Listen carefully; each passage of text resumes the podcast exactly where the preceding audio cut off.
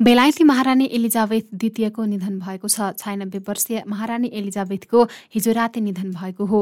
स्वास्थ्यमा समस्या आएपछि बालमोरल दरबारमा उनको बिहिबार निधन भएको अन्तर्राष्ट्रिय समाचार संस्था बीबीसीले जनाएको छ। एलिजाबेथको स्वास्थ्यमा समस्या आएपछि उनी डाक्टरहरूको निगरानीमा रहेकी थिइन्। पछिल्लो समय बालमोरल दरबारमा उनको अधिकांश समय बित्ने गरेको थियो। बेलायती महारानी एलिजाबेथको निधनपछि उनका जेठा छोरा चार्ल्स बेलायतका नयाँ राजा बनेका छन्। बीबीसी बीबीसीका अनुसार महारानीको निधन भए लगत्तै उनले राजगद्दी सम्हालेका हुन्। यद्यपि उनी राजा बनेको औपचारिक घोषणा भने शनिबार हुने अपेक्षा गरिएको बीबीसीले जनाएको छ। उनले चार्ल्स तृतीयको नामबाट शासन गर्ने जनाइएको छ। उनका चार नामहरू चार्ल्स फिलिप अर्थर जर्ज मध्ये उनले कुनै पनि नाम चयन गर्न सक्ने भए पनि उनले आफ्नो नाम चार्ल्स नै रोजेको बीबीसीले जनाएको छ। उनी राजा भएसँगै उनकी धर्मपत्नी रानी कमिला क्विन कन्सर्ट भएकी छिन्। यद्यपि उनलाई कुनै नयाँ पद नदिएको बीबीसीले जनाएको छ। उनका छोरा राजकुमार विलियमले चार्ल्सको पद ड्युक अफ क्रोनवाल र बुहारी केटले कमिलाको पद डचेस अफ क्रोनवाल पाएका छन्। बेलायतकी महारानी एलिजाबेथ द्वितीयको निधनप्रति विश्वभरका नेताहरूले दुःख व्यक्त गरेका छन्। विश्व राजनीतिमा ठूलो प्रभाव राखेको बेलायती राजपरिवारमा परेको शोकप्रति विश्वभरका धेरै देशका नेताहरूले सहानुभूति व्यक्त गरेका हुन्। बेलायतको इतिहासमै सबैभन्दा लामो समय राजगद्दीको नेतृत्व गरेकाले पनि उनको निधनप्रति विश्वको ध्यान खिचिएको हो। महारानी एलिजाबेथ द्वितीयको हिजो छयानब्बे वर्षको उमेरमा निधन भएको बेलायती राजदरबारले घोषणा गरेसँगै संयुक्त राष्ट्रसङ्घका महासचिव एन्टोनियो गुटरेसले उनको निधनको खबर सुनेर आफू स्तब्ध भएको उल्लेख गरेका छन्। विश्वव्यापी नेतृत्व गर्नुभएकी र सबैलाई प्रेरणाको स्रोत बन्दै आउनुभएकी महारानीको निधनले मलाई दुखी बनाएको छ बेलायती राजपरिवार र बेलायती जनताप्रति हार्दिक सहानुभूति व्यक्त गर्दछु उनले जारी गरेको शोक वक्तव्यमा उल्लेख गरिएको छ। संयुक्त राष्ट्रसङ्घप्रति महारानी सधैँ असल साथीको रूपमा रहेको स्मरण गर्दै महासचिव गुटरेसले राष्ट्रसङ्घले एउटा असल साथी र असल अभिभावक गुमाएको उल्लेख गरेका छन्। भारतका प्रधानमन्त्री नरेन्द्र मोदीले महारानीको प्रेरणादायी नेतृत्वको स्मरण गरेका छन्। उनले प्रकाशित गरेको शोक वक्तव्यमा महारानीको आत्माको चिर शान्तिको कामना गर्दै शोक सन्तप्त सबैप्रति सहानुभूति व्यक्त गरिएको छ।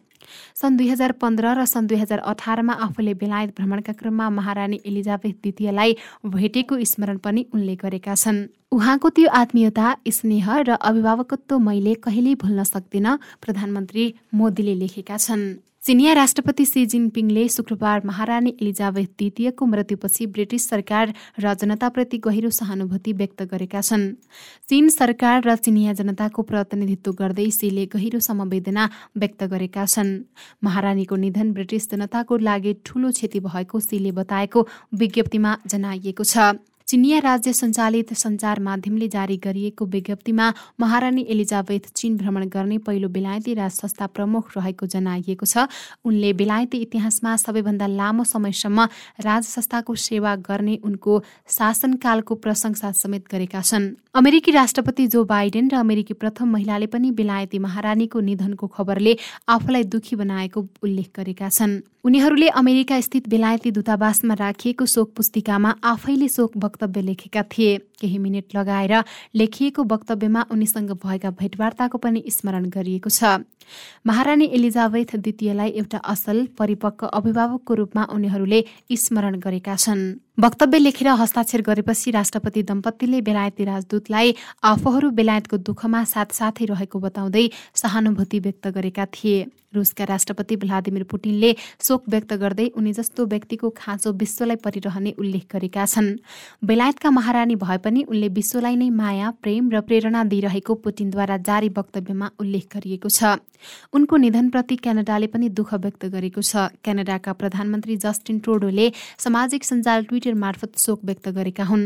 उनले क्यानाडाका जनताले महारानीलाई सधैँ स्नेही पात्रको रूपमा स्मरण गरिरहने उल्लेख गरेका छन्। क्यानाडाको इतिहासमा उनी एउटा मुख्य पात्रको रूपमा रहेकाले उनले क्यानाडालाई गरेको सेवाप्रति सबै जनता ऋणी रहेको ट्रोडोको भनाइ छ। अस्ट्रेलियाका प्रधानमन्त्री एन्थोनी अल्बानिजले पनि शोक वक्तव्य प्रकाशित गर्दै यस दुःखद समयमा अस्ट्रेलियाका जनता बेलायती जनताको साथमा रहेको उल्लेख गरेका छन्।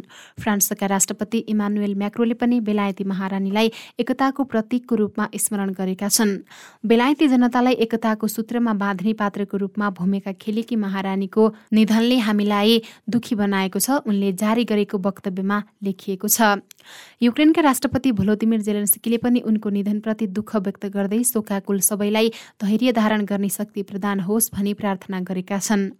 त्यसै गरी पाकिस्तानका राष्ट्रपति अरिफ अल्भी श्रीलङ्काका राष्ट्रपति रनिल विक्रमासिंघे इजरायलका प्रधानमन्त्री याइर लापिड न्युजिल्यान्डकी प्रधानमन्त्री जसिन्डा अर्डेन इटलीका प्रधानमन्त्री मारियो ड्राघी पोल्यान्डका प्रधानमन्त्री माटेउज मोरावेस्की लगायतका दर्जनौ देशका राष्ट्र तथा सरकार प्रमुखहरूले उनको आत्माको चिर शान्तिको कामना गरेका छन्।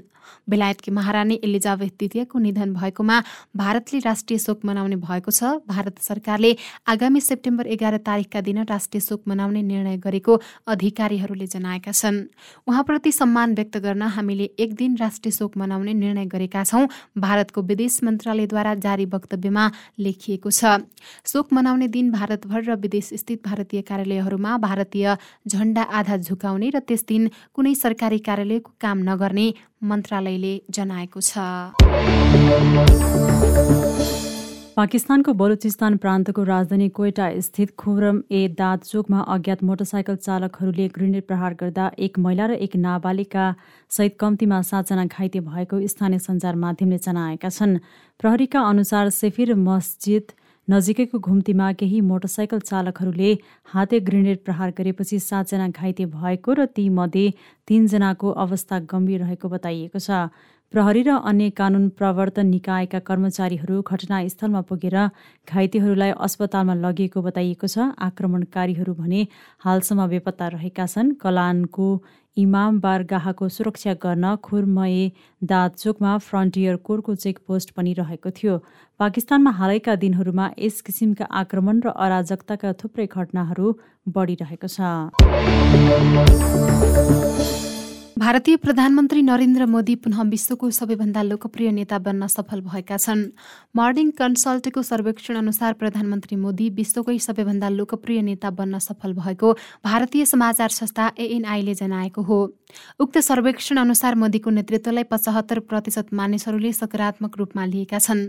उनीपछि ल्याटिन अमेरिकी मुलुक मेक्सिकोका राष्ट्रपति आन्द्रेस म्यानुएल लोपेज ओब्रादोर दोस्रो स्थानमा छन्। उनको नेतृत्वलाई त्रिसठी प्रतिशत मानिसहरूले सकारात्मक रूपमा लिएको उक्त सर्वेक्षणमा उल्लेख गरिएको छ। त्यस्तै उनीपछि तेस्रो स्थानमा युरोपेली मुलुक इटालीका प्रधानमन्त्री मारियो दारघी रहेका छन्। उनको नेतृत्वलाई चौपन्न प्रतिशत मानिसहरूले सकारात्मक रूपमा लिएको मर्निङ कन्सल्टलाई उद्धित गर्दै एएनआईले जनाएको छ।